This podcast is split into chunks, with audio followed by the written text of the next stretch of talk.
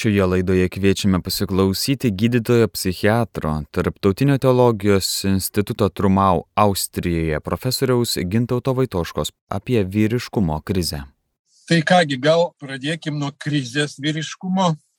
Yra iš tiesų pasaulinis dalykas, galbūt, nu, tikrai pasaulinis. Matot, netgi čia mes kartą turėjom tokį studentą iš Afrikos, jis sakė, kad Afrikoje, ten jis berots buvo iš Kongo, sakė, kad dabar netikėtai nemažoji daly Kongo vyras tapo nepageidaujamu asmeniu, nes jungtinės tautos labai remia moteris ir mergaitės, joms skiriamas lėšos jų išsilavinimui, įdarbinimui panašiai ir vyras iš tiesų kaip ir nebeturi vietos tradicinė bendruomenė žinoma buvo tokia kur ten reikėjo fizinės galios panašiai tai šita ekonomikai keičiantis nyksta turbūt ypatingai kur mažiau kaimiškos vietovės. Iš tiesų tai netgi pasiekė afriką vyriškumo krizė o šiaip ateina visą laiką žinios žinoma iš vokietijos iš jungtinių valstijų.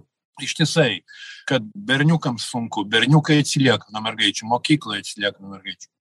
Priežastys yra įvairios tokia yra knyga karas prieš berniukus du tūkstantaisiais amerikiečių parašyta dėl moterų teisių judėjimo didžiulės lėšos buvo mestos į moterų išsilavinimą į moterų sportą dabar jaunos moterys nuo dvidešim iki trisdešimties metų uždirba daugiau turi aukštesnius postus dažniau studijuoja magistro laipsniui doktoratui na ir tokia yra K.S. Haimovic, žymi sociologė. Labai įdomu, kad iš Vilniaus Gaono giminės teko man su ja Vašingtonė pasišnekučiuoti prieš keletą metų. Jis parašius knygą, kaip čia išversti meningą, taip galbūt vyras. Ir iš tiesų rašo ten apie ketvirčio amžiaus krizę, kuri naujas dalykas sociologijoje, nes buvo nu, pusamžio krizė. Tai žinoma, kada ten vyras, reiškia, 40 daugiau ir jis tokia patiria tuštumą, ima bėgioti paskui jaunas panelės, ieškoti galingų motociklų panašiai. Tai čia dabar ta ketvirčio krizė yra jauniem vyram maždaug nuo 25 metų iki 40. Jie yra dažnai baigę koledžą, turi tam tikrą bazinį, kaip sakant, atlyginimą, pragyvena visai neblogai ir jie žiūri, reiškia, daug valgo, daug išgeria, stebi pornografiją, miega su merginomis ir nieko keist savo gyvenime. Tai yra didžiulė rinka, yra toks žurnalas Maksimas, kuris turi didelę cirkuliaciją, žodžiu, verslas juos išnaudoja. Ir jie taip savo patogiai gyvena, Kejas Haimans vadina juos vyrvaikiais, childmen, ir sako, kad kažką pagalvoti apie šeimą, apie gyvenimo prasme, apie darbus, jiems tiesiog nesinori, nes jiems daug smagiau gyventi šitoj smėlio dėžėje, kaip mažiem berniukam arba, kaip įvadina gyvenimo būdą, reiškia gyvens paršelių. Tai mūsų gal nepasiekia taip labai kitas vis tiek žemynas su amerikiečiais, kaip pakalbėjai, ten yra iš tiesų toks vat, fenomenas jau žinomas galbūt aišku pas mus problemą matom irgi reiškia kad na su kohabitacija ir tada tas vyras tos merginos niekaip žodžiu nesiryžta vesti turbūt ir pas mus šitas reiškinys matosi. Na ką daryt kaip čia įvyko tas dalykas tai kalbėjau kad pagrindinai su moterų teisėmis susijęs vyras žinot pagal fridrichą engelsą vyras buvo pirmasis kapitalistas išnaudojęs proletarą proletaras buvo jo žmona ir vaikai, kurie jam dirbo. Na ir kapitalizmo sunaikinimas, darbo klasės išvadavimas reiškia patriarcho, na, nuvertimas nuo sosto. Čia pagal Engels. Ir iš tiesų moterų judėjimas perėmė šitą ideologiją, jis visada buvo marksistinio pobūdžio. Ir kaip visada marksizmas pagrystas priešybių kova, tai žmonės vieni kitiems yra priešai, žmonių grupės yra priešai ir vyras yra priešas moteriai ir moteris yra priešas vyrui. Čia tokia paradigma. Ir tai mes matome. Dabar, aišku, moterų teisės transformavosi, reiškia, tas judėjimas susidūrė su problemomis, kadangi atsirado transmoteris, prieš kurias nieko negalim pasakyti, ir jos iš tikrųjų skriaudžia moteris. Čia naujausios žinios, čia galima, nežinau, rašyti ir felietonus ar komedijas kurti, tokias graudžias komedijas, nes tarkim masiškai Anglijos kalėjimuose vyrai atsiai tampa moterim, nebūtina jiem netgi būti iškastruotėm, galima pasivadinti moterim, perėjo jos moterų skyrius kameras. Ir tada jie toliau moteris atakuoja.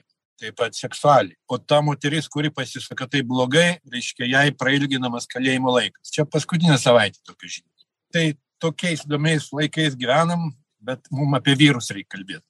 Kalbėjom apie berniuką, kad vyriška tapatybė reikalinga, na, jinai formuojasi iš tikrųjų per pirmus tris metus, svarbiausi pagrindai tapatybės ir formulė tokia, kad stiprų vyrą užaugina švelni mama. Tai kaip kalbėjom, saugus prieraišumas panašiai. Tai kada matom mamas buvo muštinėse, kas yra moterų teisų progreso, kaip sakant, forposte, tai galima galvoti, kas bus iš visuomenės, nes iš tikrųjų tai yra tada jau ta mama sunkiai užaugins tokį vyrą, kuris bus stiprus. Na, gal toks ir tikslas, kaip sakant, ar ne, šitos ideologijos, nes vyras, kadangi išnaudotojas ir kapitalistas, tai čia įeina jo nuvertimo galbūt projektą, sakykime, toks agresyvus moterų išsivadavimas. Čia būtų galima tai daug kalbėti, bet vis aš nukrypstu, reiškia, nuo to vyro. Gerai, ką dabar tas berniukas, kuris, tarkime, turėjo švelnę mamą, turėjo saugų priraišumą pirmais metais, turėjo tėtį, kuris draugauja su juo, turėjo gerą tapatybę, jaučiasi gerai berniuku, tai jam bus, aišku, ne taip. Tai čia labai geras pagrindas jam, jau tuo metu, kada jis taps iš berniuko jaunų vyrų, tai 13, 14-15 metų tas virsmas vyksta tame amžiuje. Bet aišku, iššūkiai dideli. Gal aš pradėjau tokio patieškiausio, kuris sakyčiau, gal kaip ir po vandeniu truputėlį, nes labai kaip ir nekalbama daug, bet nežinau, čia kaip su transgender problemomis, nes dabar jau pasidarė madinga būti transgender. Aš vis juokaudavau, kad transgender veganas tai yra populiariausia ir visada tai pasakęs, laukdavau, reiškia, linksmos reakcijos. Tai, tai dabar, jeigu jaunimui tą pasakai, iš tikrųjų sako, taip ir yra, ypatingai meno profilio gimnazijose. Tai ką aš turiu minį? pornografija. Anglų tyrimai vidutiniškai jinai pasiekia berniuką, kai jam būna 10 metų. Jauni vyrai, amerikiečių tyrimai nuo 18 iki 31 metų vyrai, 81 procentas naudoja pornografiją kartą per mėnesį, virš 60 procentų, 63 berots naudoja pornografiją daugiau negu kartą per savaitę.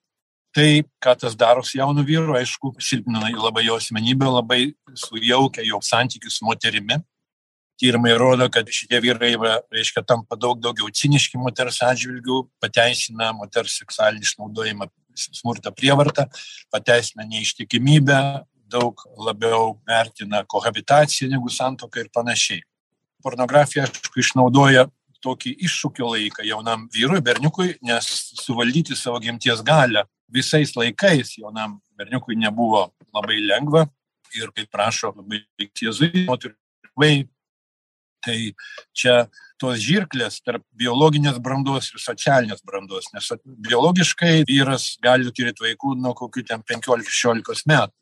Socialiai, ypač mūsų vakarų visuomeniai, daug vėliau jis gali tą savo gebėjimą išnaudoti brandžiai, tapti tėvu. Tai šitos žirklės, pasak Polkvei, yra tas periodas, kada yra biologinė branda ir reikia laukti socialinės brandos, yra tam tikras toks vyriškumo išbandymas ir labai vertingas asmenybė, nes žmogus išmoksta suvaldyti savo gimties galę, o tas valdymas yra reikalingas tiek ištikimybei savo stuktiniui, tiek pačioje santokoje, kad vyras nebūtų žmonos, nenaudotų žmonos savo malonumų, dėl ko yra daug konfliktų santokoje vyksta. O dabar gal pastarį dešimtmetį amerikiečiai ėmė skūstis tokia keista problema, kad vyrai nebegeidžia žmonos dėl to, kad jie yra įklimpę į pornografiją. Tai yra dažnas labai reiškinys. Dažnai dėl to skaudžios problemos santoko ir santokos griūva yra netaip retai dėl šitos priežasties. Keista, nes visada vyras buvo tas, kuris tą žmoną persikio, jam daug turi vadinamų seksualinių poreikių, daug aukštesnių negu žmona, visada būdavo diskutuojama, kaip tai suderinti. Dabar Junktinėse valstijose pasikeitė situacija ir žmonas iš tikrųjų e, atsidūrė tokioje padėti, kada vyras jos nebetrokšta. Dėl to, kad jisai, kaip sakant, trokšta savo telefoną. Tai jaunam vaikinui priprasti prie pornografijos iš tikrųjų yra labai blogai, o galimybė didelė, kadangi vaikui pornografijos žiūrimas vaiką šokruoja, ta pornografija dažnai dar yra žiauri pornografija dabar, kuri plinta, vadinama hard, hardcore, su smurto veiksmais. Ir tai žaidžia ir tokį natūralų vaiko tyrumą, vis tiek berniukas yra vaikas ir, ir iki paauglystės yra tas amžiaus toks tarpsnis, galų gale net pagal Freudą, reiškia tas latentinis tarpsnis nuo 5 iki metų, maždaug 5-6 iki paauglystės, yra kada jis yra toks savotiškai įsijungęs į veiksmus, žaidimus ir jam tos mergaitės nerūpi, jis turi kitų raidos uždavinių tuo metu. Tai čia yra pramušamas tas barjeras, beje pagal psichoanalizę va tą latentinį periodą nuo šešių iki dvylikos trylikos metų tą terminą naudoja ir, ir Vatikano dokumentas apie seksualinį ūkdymą, lytiškumo ūkdymą yra toks 95 metų dokumentas. Tas terminas latentinis, kada vaikas yra toks ramus ir, taip sakant, tyras, jis yra vertingas jo raidai, taip pat ir mergaitė. Ir dabar kultūra puola tą vaiką ir seksualizuoja mergaitės. Atsirado toks terminas angliškas twins, reiškia, tai teen yra mergaitė, teenager, o twin yra in between, reiškia, tarp, tarp mergaitės mažos ir paauglės. Ir labai yra milijardinis biznis, mada kuriama, erotizuota ta mada iš tų mergaičių, tos mergaitės, kadangi jos nori būti didelės ir ten žiūri tas paauglės, yra atimama vaikystė faktiškai. Taip pat su berniu ir su žala asmenybės raidai. Tada, reiškia, žmogus tampa užstringa, reiškia, tokioj autoerotinėje vystimosi fazėje, jeigu taip pagal Freudą kalbėt. Ir tą patį seksualinis švietimas daro su vaikais, kada jie atakuoja, su, kad maždaug turbacija yra nuo keturių metų netgi yra rekomendacija, kaip gal žinot, pasaulio sveikatos organizacijos, ten vokiečių biuras šitą rašo ir panašiai. Tai čia yra pagal vaiko dėsnius yra vaiko iš tikrųjų traumavimas ir raidos stabdymas auginamas egocentriškas žmogus, kuris negali suvaldyti savo seksualinį instinktą. Tai viena vertus, kaip kalbėjo apie pornografiją, vaikas būna traumuojamas, kita vertus, jį tada traukia vėl pasižiūrėti. Nes smegenyse nėra stabdymo mechanizmo, impulsas dar nėra stabdomas, yra prefrontalinė žyvienė suformavusi, plinta kaip gaisras, kaip sakant, sausame miške tas impulsas. Ir aišku, blogiausiu atveju, jeigu išsivysto priklausomybė, kada vaikas ištisai, ištisai žiūri pornografiją, yra tokia kompulsyvi, kaip sakant, masturbacija, tai jis ir pergyvena dėl to, save blogai vertina, bijo kažkam pasakyti. Ir aišku, tai veikia smegenis panašiai kaip pripratimas prie narkotikų. Ten smegenyse neurobiologiškai vyksta panašus procesai netgi yra tyrimai kurie rodo kad prastėja smegenų veikla prastėja intelekto veikla. Yra toks vienas tyrimas pavyzdžiui kalba kad yra toksai dorzalinis dryžuotasis kūnas smegenų viduryje. Neurologai mato kad jisai traukiasi tiems kurie yra pripratę prie pornografijos. O šita smegenų dalis ten kartu su kitomis atsakinga už sprendimų priėmimą. Tai žodžiu kaip sakant na kenčia žmogaus intelektas ir na tai čia toks gal paprastas argumentas taip sakant truputėlį mot jauną berniukam kad jis suprato gal šiek tiek kaip sakant populiarus ir panašiai. Žodžiu čia ieškant argumentų skaistumui. Ir daug yra argumentų. Tai geriausias galbūt toks berniukui svarbiausias argumentas kadangi berniukas nori būt stiprus mergaitė nori būt graži tie archetipai nedingo nepaisant visos gender teorijos puolimo jie yra įsišakniję biologijoj ir evoliucijoj ir panašiai. Tai berniukas kuris valdo savo gimties galią yra stiprus. Jis tada valdo kitas emocijas. Ir berniukas nori valdyt mokėt valdyt situaciją. Angliškai sakyt be in control.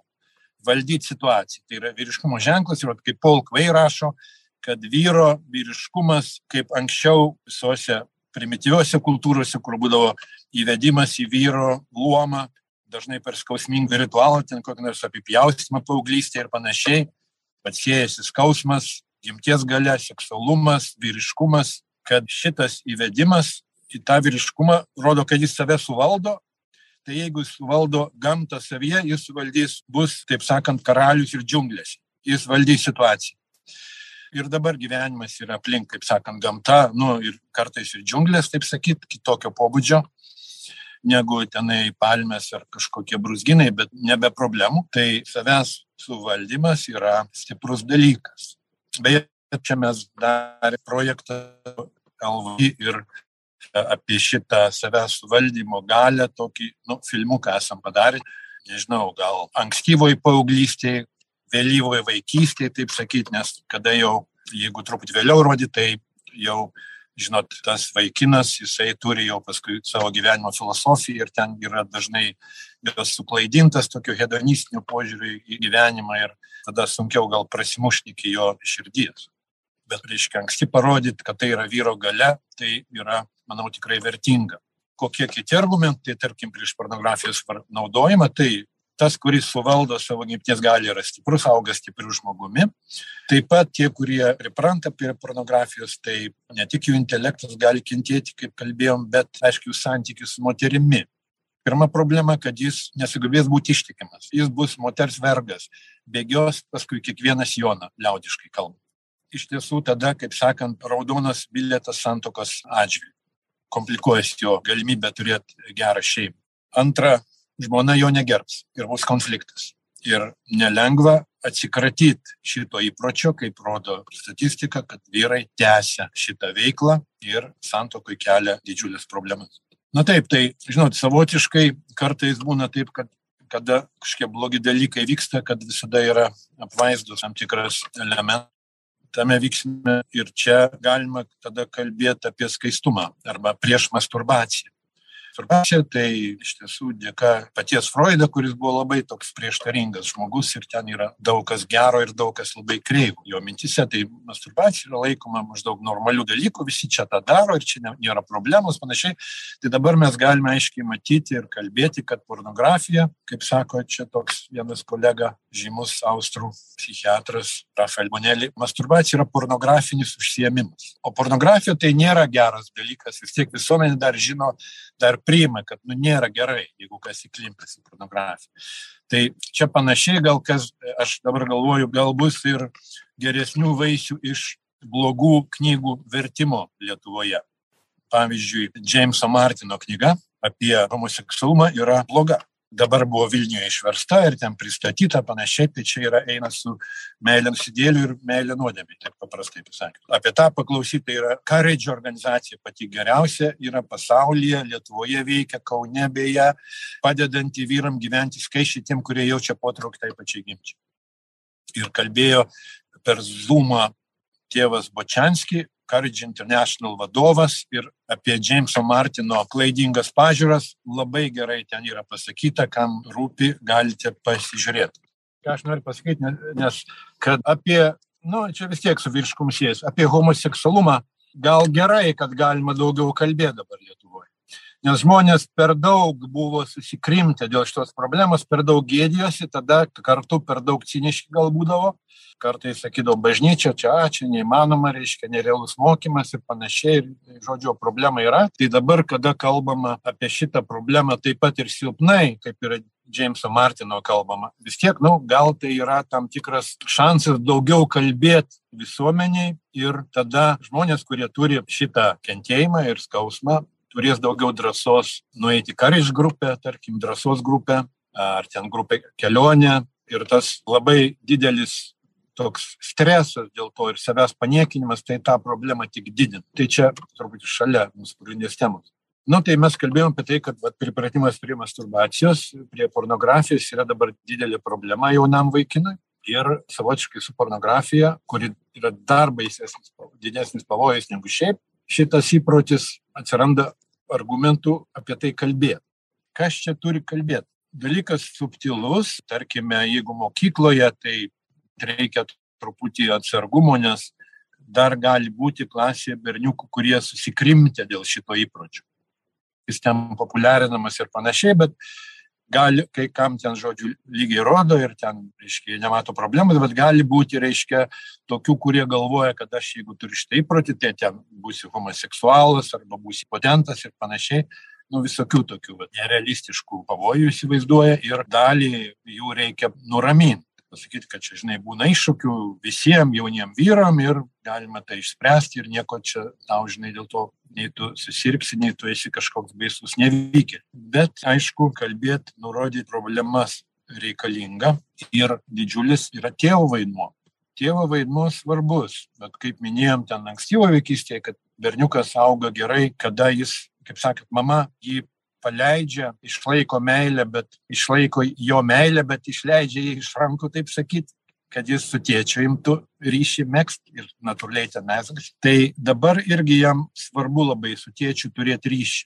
Paauglystėje jisai tas ryšys tampa toks sudėtingesnis, kadangi jaunas žmogus geras šeimos vertybės turi perkainuoti, kaip čia pasakyti, ir padaryti savomis.